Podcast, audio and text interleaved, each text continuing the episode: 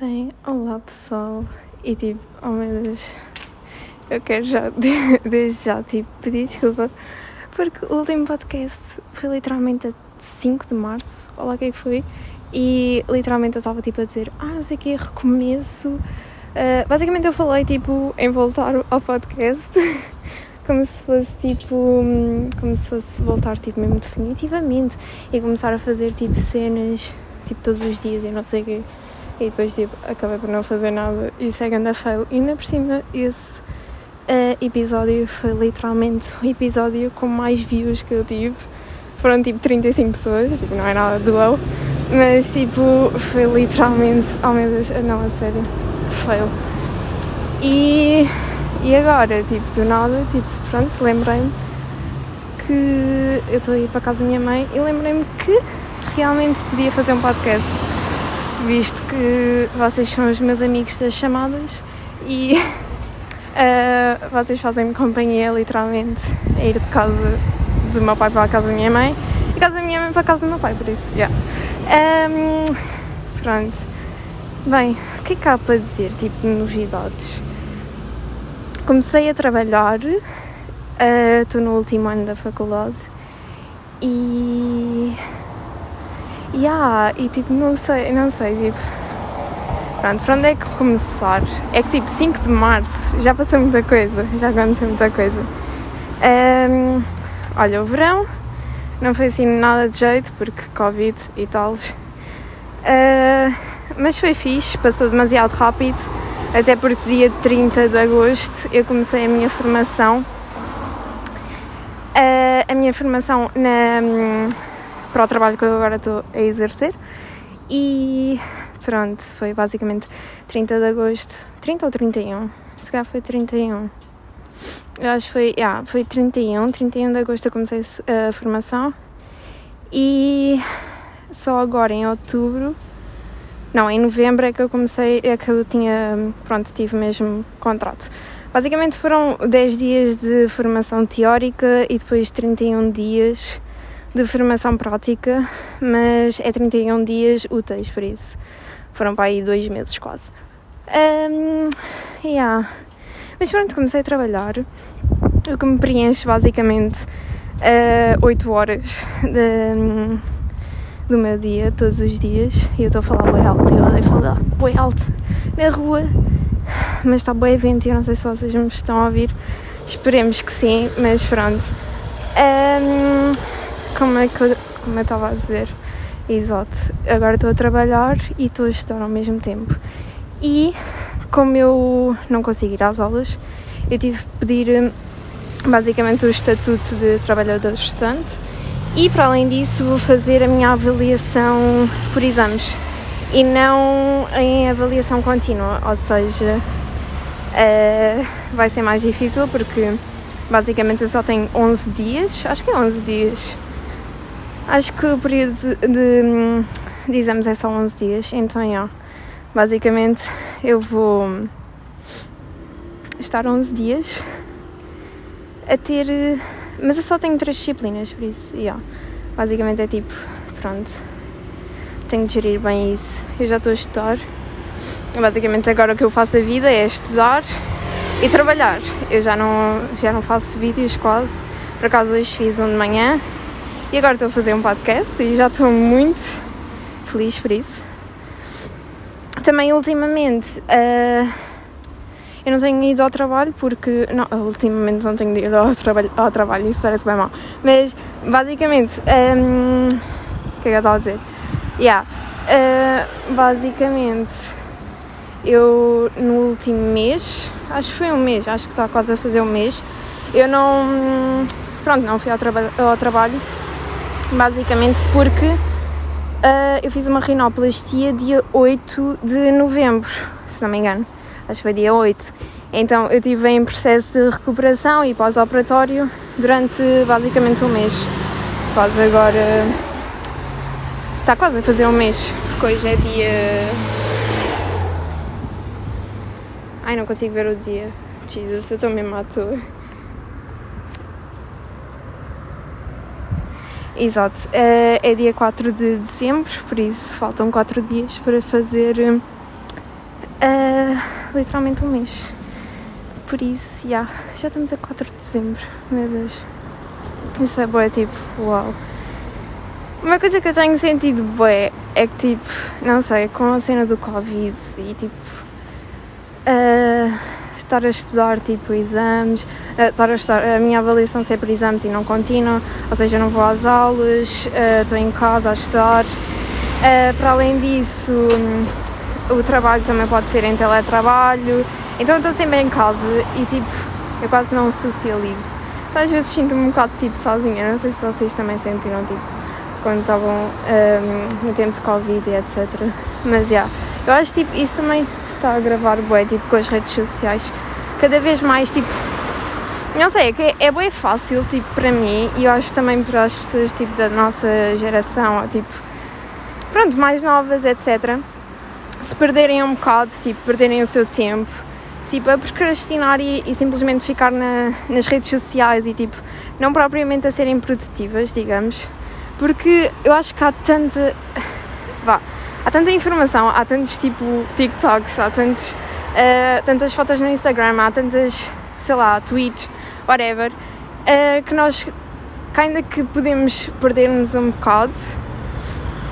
E quando damos por nós já passou, sei lá, 5 horas ou whatever. Eu hoje, por, por exemplo, fui para a cama, era, era uma da manhã, olha o que é que era, e dei por mim, já eram 5 ou 6 da manhã e eu ainda estava tipo no telemóvel a ver TikToks, a ver Instagram, etc. Porque é bem tipo, é bem entertaining, mas ao mesmo tempo pode ser mau. Por isso eu acho que tem de haver um equilíbrio e é uma coisa que eu tenho tentado fazer ultimamente, que é. Hum, tenho visto mesmo o tempo de ecrã do meu telemóvel, o tempo que eu passo ao telemóvel até porque eu daqui a nada tenho os meus exames, é em janeiro, começa em janeiro, e eu não posso simplesmente dar-me ao luxo de passar uh, imenso tempo no meu telemóvel em vez de estar a estudar ou a trabalhar, etc. Eu acho que o trabalho é diferente porque eu tenho horário fixo, ou seja, eu das 10 às 14 e das 15 às 19 literalmente eu estou a trabalhar e é mesmo trabalho, trabalho, trabalho, não estou não estou a pensar noutra coisa, não estou a fazer outra coisa, etc. Só, só estou a trabalhar. Uh, mas, já, yeah, para além disso, um, quando eu não estou a trabalhar, eu dou por mim e estou tipo bué tempo no telemóvel, sem propriamente estar a fazer alguma coisa. Por exemplo, eu podia estar a fazer um vídeo, podia estar a fazer um podcast, podia estar a falar com os meus amigos, a não sei, fazer imensas coisas e dou por mim, só estou tipo a ver vídeos, a ver isto e aquilo. E uma coisa que, por exemplo, o YouTube, o Instagram, o Twitter, etc., as redes sociais fazem é que metem-nos bem, tipo, fazem-nos ficar mesmo viciados. Porque basicamente nós temos, nós todos temos uma For You page, ou então, pronto, como é que é aquilo? É o algoritmo, exato. E esse algoritmo é mesmo feito para cada pessoa ficar eh, ainda que viciada. Por exemplo, imagina, no TikTok, estás a ver um vídeo e há um vídeo que te ficas lá bué tempo a ver porque gostaste imenso ou queres ver outra vez. Normalmente, para mim, é de cães e gatos, literalmente. Um, o TikTok depois mostra-te, como é óbvio, mais conteúdos que tenham a ver também com aquilo que tu gostas e aquilo que tu demoras mais tempo a ver ou tipo, pronto, repetes e etc. Isso, como é óbvio, é pensar em ti e nos teus gostos etc. Mas de certa forma também faz com que o TikTok se aproveite dos teus gostos, dos teus interesses, etc., para te meter mais uh, viciado na própria rede social, por assim dizer. Ou seja, é um bocado aqui um jogo de interesses mas pronto, como dizem, odeio o jogo, não o jogador, por isso acho que é assim.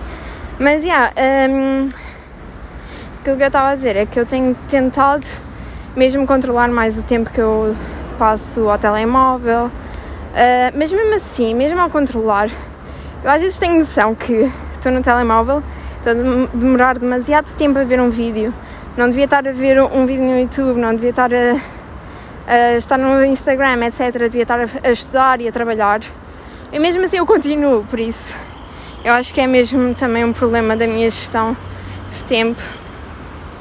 Porque no fundo, todas as pessoas que eu, por exemplo, vejo no YouTube, no Instagram não sei o quê, no fundo elas estão a trabalhar para aquilo, não é? Estão a trabalhar para depois meter um vídeo no YouTube, estão a trabalhar para depois meter uma foto no Instagram e não sei o quê.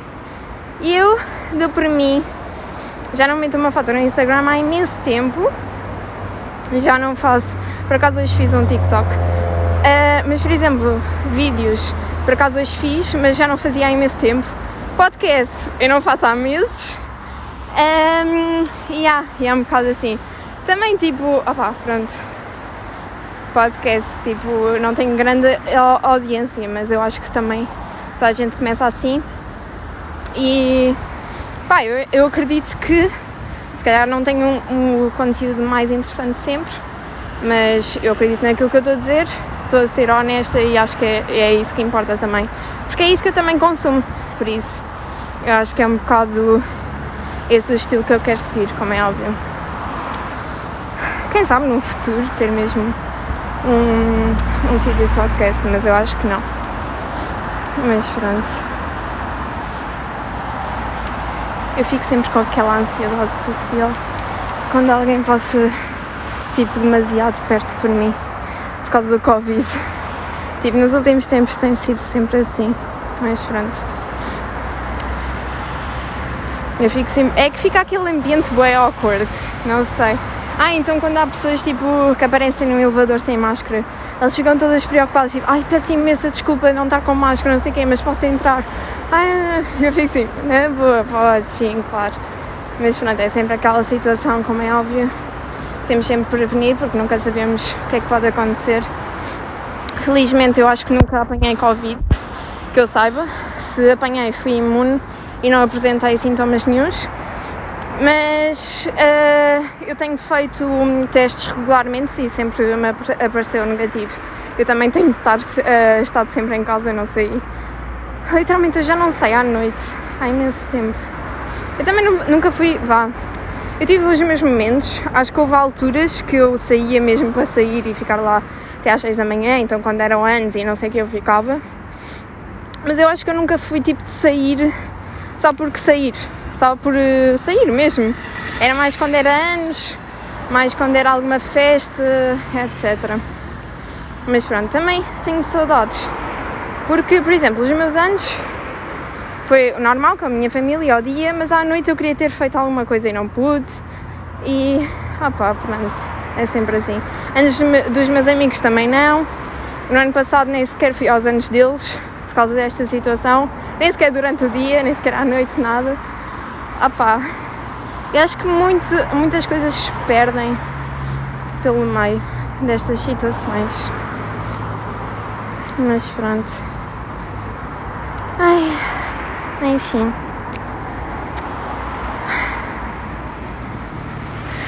Eu queria estar tipo a dizer a, a, atualização tipo do estado do, do estado do sítio onde eu estou, mas só que eu não quero tipo que ninguém saiba onde é que eu vivo, como é óbvio. Mas é uma coisa que eu faço com a minha mãe quando estou a chamada com ela. É tipo, ah, já estou aqui, não sei.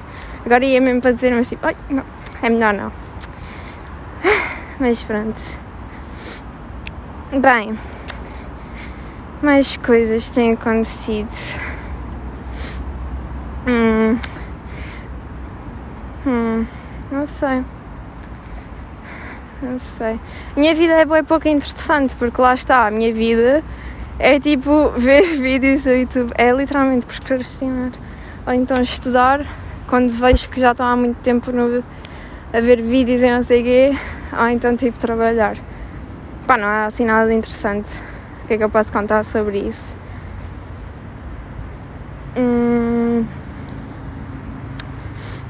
Ah, não sei, mas eu posso dizer que eu tenho comprado bem cenas na China e uh, pronto, se agora tiverem a ver, tipo, a ouvir uh, alguma rapariga ou tipo, a mesmo algum rapaz, etc., que queira. Um, por acaso ainda não tenho, ainda não tenho comprado nada na China e esteja um bocado reticente, queira saber alguma, pronto, alguma, alguma coisa sobre, por exemplo, a qualidade, etc. Pronto, eu por acaso hoje, literalmente, eu estou a vestir tipo. Hum, eu estou com umas calças com um padrão hum, zebra, com um casaco tipo. Ai, como é que se diz? É pele de ovelha, ovelha, mas só que não é mesmo de pele, é tipo sintético. E com uma mala também de zebra para condizer com, com as calças. E o que eu posso dizer basicamente da qualidade é que depende muito da, hum, do conteúdo que estás a comprar, na categoria em que encontraste, etc.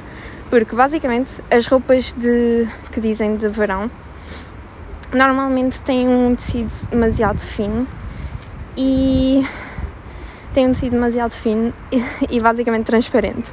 Opa, e lá está, tipo, juro-te, eu não consigo andar na rua, eu acho que estou a ganhar, a ganhar, tipo, uma ansiedade de sair na rua. Ainda por cima sozinha, que nem vos conto, meu Deus.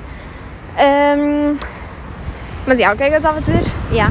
Basicamente, a roupa de verão normalmente tende a ter um tecido demasiado fino e transparente. Ou seja, eu comprei, por exemplo, umas calças que, que eram, tipo, meio de outono. Era, tipo, a transição de verão para outono, acho eu e o tecido, o tecido é tão fino, tão fino, que basicamente uh, vêm-se as minhas cuecas. Se eu não usar tipo nada por baixo. Uh, yeah, bem grave. E basicamente, uh, mas se vocês comprarem, por exemplo, um, calças mais tipo de inverno, por exemplo, aquelas que eu, que eu tenho agora, têm um tecido tipo uh, melhor, por assim dizer. Ou seja, é mais grosso e não mostra nada. É basicamente isso. Depois, hum, os casacos, aquele que eu tenho da pele da ovelha, é bué bom. Mas vocês podem ver tipo hauls, hauls, hauls. Ai, não sei dizer. eu não sei falar, juro. Um, mas pronto, vocês podem ver tipo lookbooks no, no YouTube, etc. E conseguem ver basicamente revisões, um, reviews tipo de produtos da China que tipo são de confiança. Basta procurarem tipo bem e vocês conseguem ver. Depois hum, mais coisas. Ah, yeah, uh, isto para dizer que eu basicamente comprei uh, dois, dois tipo. Ai, como é que se chama? Eu não sei falar, juro, o meu vocabulário está completamente alterado. Uh, ah, gorros de Natal para os meus gatinhos. Yeah, eu depois vou provavelmente meter tipo uma foto no Insta. Já agora, eu tenho tipo um Insta para os meus gatinhos. Que é tipo miley.scape. Acho que é tipo coisa assim. Mas vocês conseguem encontrar no meu Instagram, que eu já fiz referência a ele, ao Instagram deles. Então, yeah, vocês conseguem facilmente encontrar. Uh, depois, yeah, comprei uh, basicamente um, dois gorros para os dois. Um, comprei basicamente dois gorros para um, os dois gatinhos e um, yeah, o que é que eu comprei mais? Comprei umas cenas tipo de eletrónica também para tentar experimentar Uh, comprei tipo basicamente os, uns ring lights e um, mais algumas cenas também tipo suporte e luz para vídeo e áudio etc. Mas yeah. juro-te, eu só quero eu só quero ter carro. Se eu tivesse carro era tudo tão melhor na minha vida, meu Deus. Pessoal, eu fiquei sem bateria no telemóvel e. Yeah. Mas pronto, já cheguei em casa. Uh, já cheguei a casa e vou agora, tipo, acho que fazer outro vídeo e depois estudar um bocado. E é isso, pessoal. Era só para dizer que I'm back e vou tentar fazer mais podcasts. Eu prometo. Uh, mas yeah, é isso, pessoal. Beijinhos e tudo bom.